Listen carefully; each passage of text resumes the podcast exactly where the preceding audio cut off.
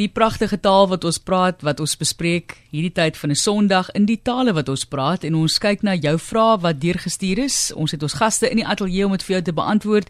Hulle is Dr Willem Botha en Dr Frikkie Lombard, onderskeidelik hoofredakteur en uitvoerende direkteur as ook eindredakteur van die Woordeboek van die Afrikaanse taal.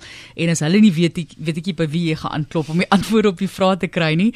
Maar ons uh, begin met Koen Slabber se vraag vandag. Hy vra of jy gebruik van kry soos in ek wil nie my hande vuil kry nie, goeie Afrikaans is. Dankie Koen.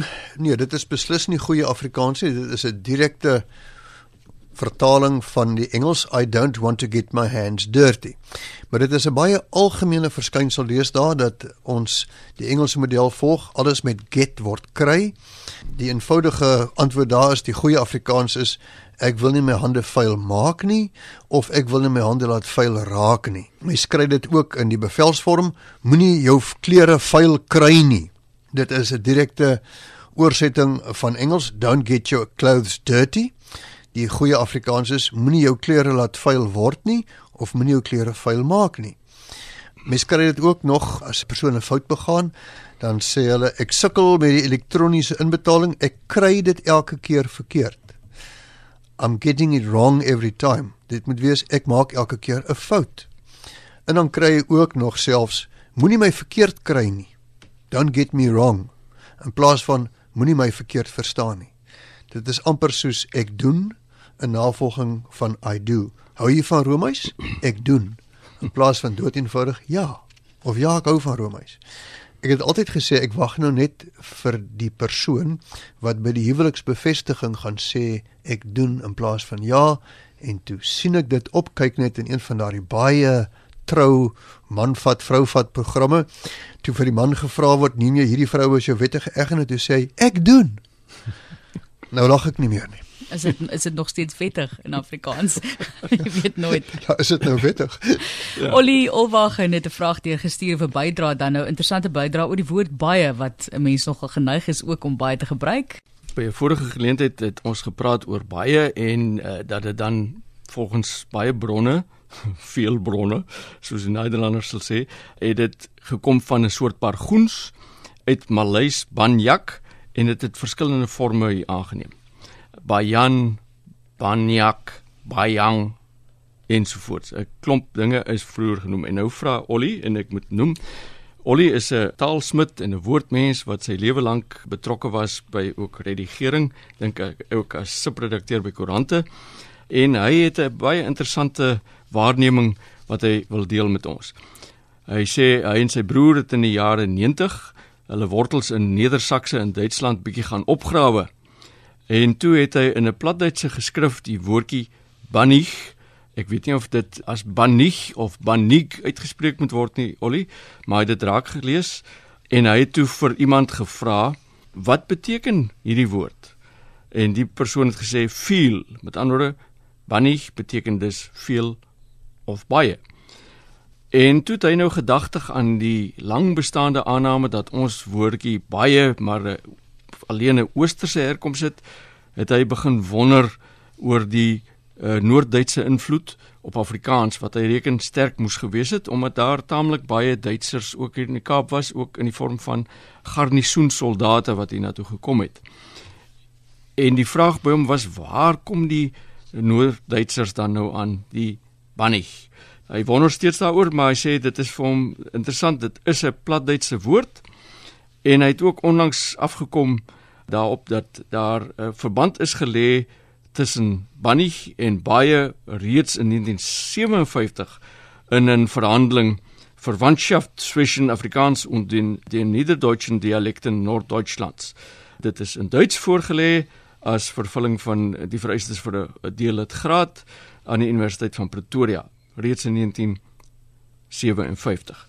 En wat baie interessant is, die Afrikaans is al baie op sy kerfstok hê en hier dame wat die proefskrif geskryf het toon plat Duits sê albanig op sin kerfstok hebben.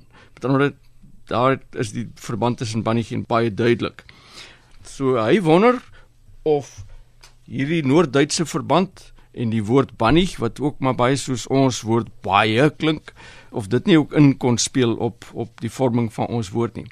Wat hy nie weet nie is hy sê hy hoef hy weet nie hoeveel bewyse daar uiteindelik is dat die woord baie soos wat ons dit ken uit die ooste uitkom nie en hy hy wonder vind ons dit nog ooit terug in 'n oosterse dialek. Nou Ollie ek het gaan kyk en banyak kom tans nog voor in Maleisies en dit beteken dan ook net soos ons woord baie beteken dit 'n hele klomp. Dit is hier die tale wat ons praat die oorsprong van baie. Clem Steyn se vraag volgende. Nou Clem is so ongelukkig hier oor die gebruik van groei teenoor kweek. Hy merk op dat baie mense deesdae in Afrikaans dit verwar, kweek en groei. Die volgende gebruik van groei steek hom dwars in die krop. My pa het mangoes in Mosambiek gegroei. So gee vir ons net die agtergrond daar dokter. Ja, Clem, Clem sê dat hy weet dit is baie verkeerd om te sê ek groei mangoes, maar jy kan ook nie sê ek kweek mangoes nie, want as jy mangoes kweek, dan is jy besig met die aktiwiteit wat in 'n kwekery plaasvind.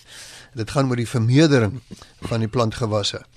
En nou wonder hy, hoe moet 'n mens nou sê as jy met mangoes in jou tuin boer tussen aanhalingstekens kan jy miskien sê ek het mangoes in my tuin of ek het mangoes geplant in my tuin of jy kan grappenderwys sê ek boer met mangoes uh, so 'n bietjie in my tuin, maar beslis nie ek groei mangoes nie. Nou hierdie groei is nogal 'n probleem in Afrikaans. Jy sal hoor dat mense in plaasverband ook sê hy groei appels. Dan boer hy eenvoudig met appels. 'n Ander gebruik hiervan is ten opsigte van jou baard. Mense sal maklik deesdae sê ek groei 'n baard. Nou jy kan niks groei nie. Jy kan iets laat groei. Jy laat jou baard toe om te groei, maar jy kan nie 'n baard groei nie. Ehm um, groei is nie oorganklike werkwoord nie. Jy kan 'n baard kweek, jy kan 'n snor kweek of jy kan 'n snor laat groei of 'n baard laat groei. Ek ek wil net daarop wys dat Ignatius wys daarop dat dit verbou kan wees. Ook nê? Nee? Ja, op groot skaal kan jy ook verbou aan 'n mango. Maar lyk my hierdie is 'n geval van 'n ou wat in sy tuin mangoes gehad het. Verbou is ook dan uh, in in landbouverband 'n baie goeie keuse. Ja. ja. Die volgende vraag kom van Jan Huber. Hy wil asseblief hê dat jy 'n kleinoot, snoer en tweede moet bespreek. Ja, ek gaan net 'n bietjie konteks gee. 'n Kleinoot vra hy, hy sê verklaar bietjie die spelling van die woord is met 'n enkele n. Ons moet daaroor praat asook oor die saamgestelde betekenisdele en dan by die saamgestelde vrae 'n vraag.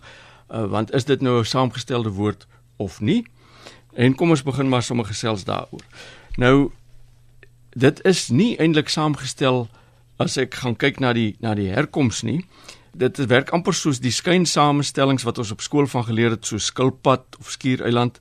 Maar hier lyk dit asof die woord 'n uh, 'n simplex is. Met ander woorde, dis nie iets soos 'n klein noot wat dan as dit ware met twee n'e sou geskryf word soos wat 'n mens verwag nie want hy word geskryf met 'n enkele n. Nou 'n klein noot weet ons is 'n kosbare voorwerp. Nederlands ken dit ook so. Middelnederlands het reeds geken klein node, Middelhoogduits klein noot, klein noot met ook met een n geskryf en dit gaan alles terug na Middellatyn toe clenodium en daar het dit eintlik beteken 'n geringe armoede. Willem jy's die latynman, maar dit was dit was min of meer die verklaring. En as jy sulke so geringe armoede gehad het, dan jy miskien sekere goedjies nou was dan vir jou baie belangrik. 'n Klein noot. Maar soos ek sê, ons skryf dit nie as 'n samestel as 'n saamgestelde woord nie. Dit dit lyk asof dit 'n simplex is en dit gaan terug na die Latyn toe waar ons die skryfwyse net so bly behou het. Nou oor die snoer sê Jan, hy stry met sy huismense maar hulle is onwillig om die woord snoer te gebruik waar dit verwys na die sogenaamde lead wat ons altyd ken in die Engels. En hy het groot geword met snoer. Nou Jan, kom ek gaan nou sommer praat oor snoer se betekenis wat ons eerste miskien aan dink, dit is die lint of die koord of die tou waaraan iets ingeryg word of waaraan iets ingeryg is inderdaad. Maar daar is ook gebruike wat ons het vir die woord snoer in die betekenis van 'n soort koord. So jy is heeltemal reg, dit kan so gebruik word. Ek dink ons gebruik deesdae as ons nou korrek wil wees en nie van 'n lead praat nie, dan praat ons maar van 'n verlengkoord. Maar miskien moet ons die woord snoer in ere herstel. Dit uh, ek sal nie omgee om van 'n snoer te praat nie.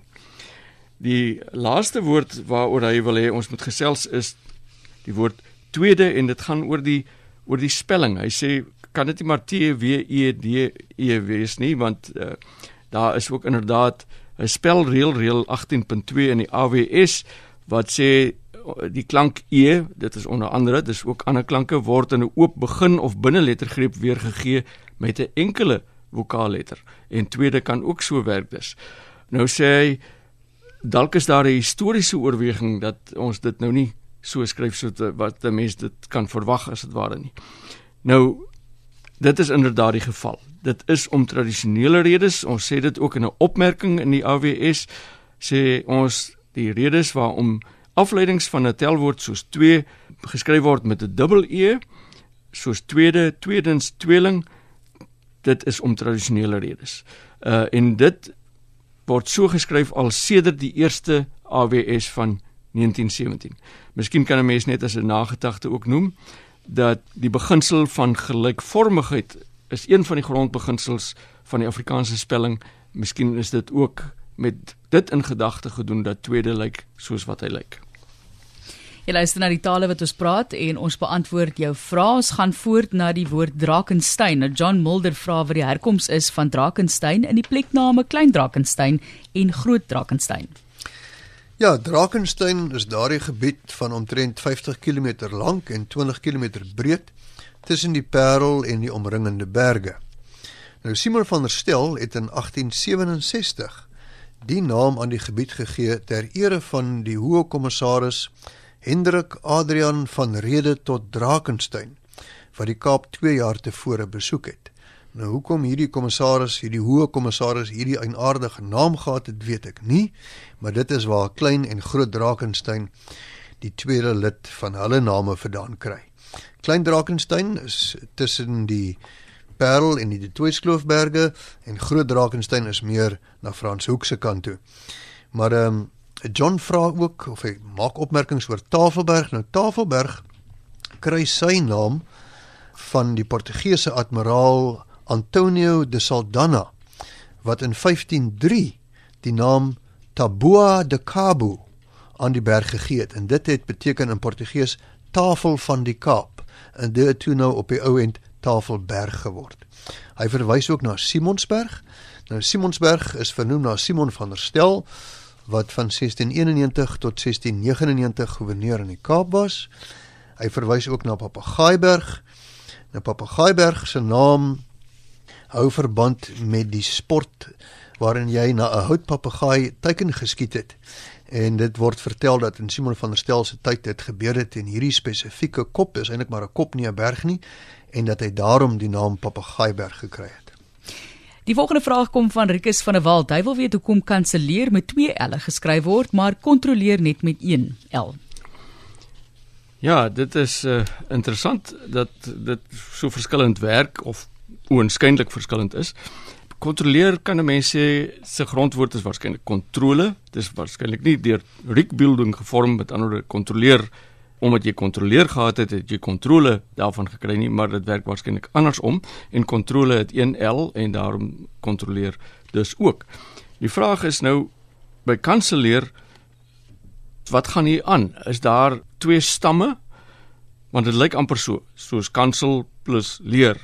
Maar dis weer een van daai interessante woorde waar 'n mens eintlik nie twee stamme waarskynlik het nie. Ek het 'n bietjie rondgesoek en in 'n ou Nederlandse bron wat eintlik 'n woordeboek is wat Engels en Nederlandse vertaal-ekwivalente bied, het die Engels cancel vertaal met kanselleren.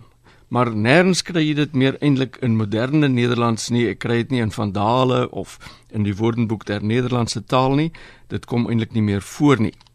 En soos ek gesê het, die Engels ken natuurlik cancel en jy kry cancellation en al die soort van dinge. Ons ken kanselleer, kansellasie, kansellering.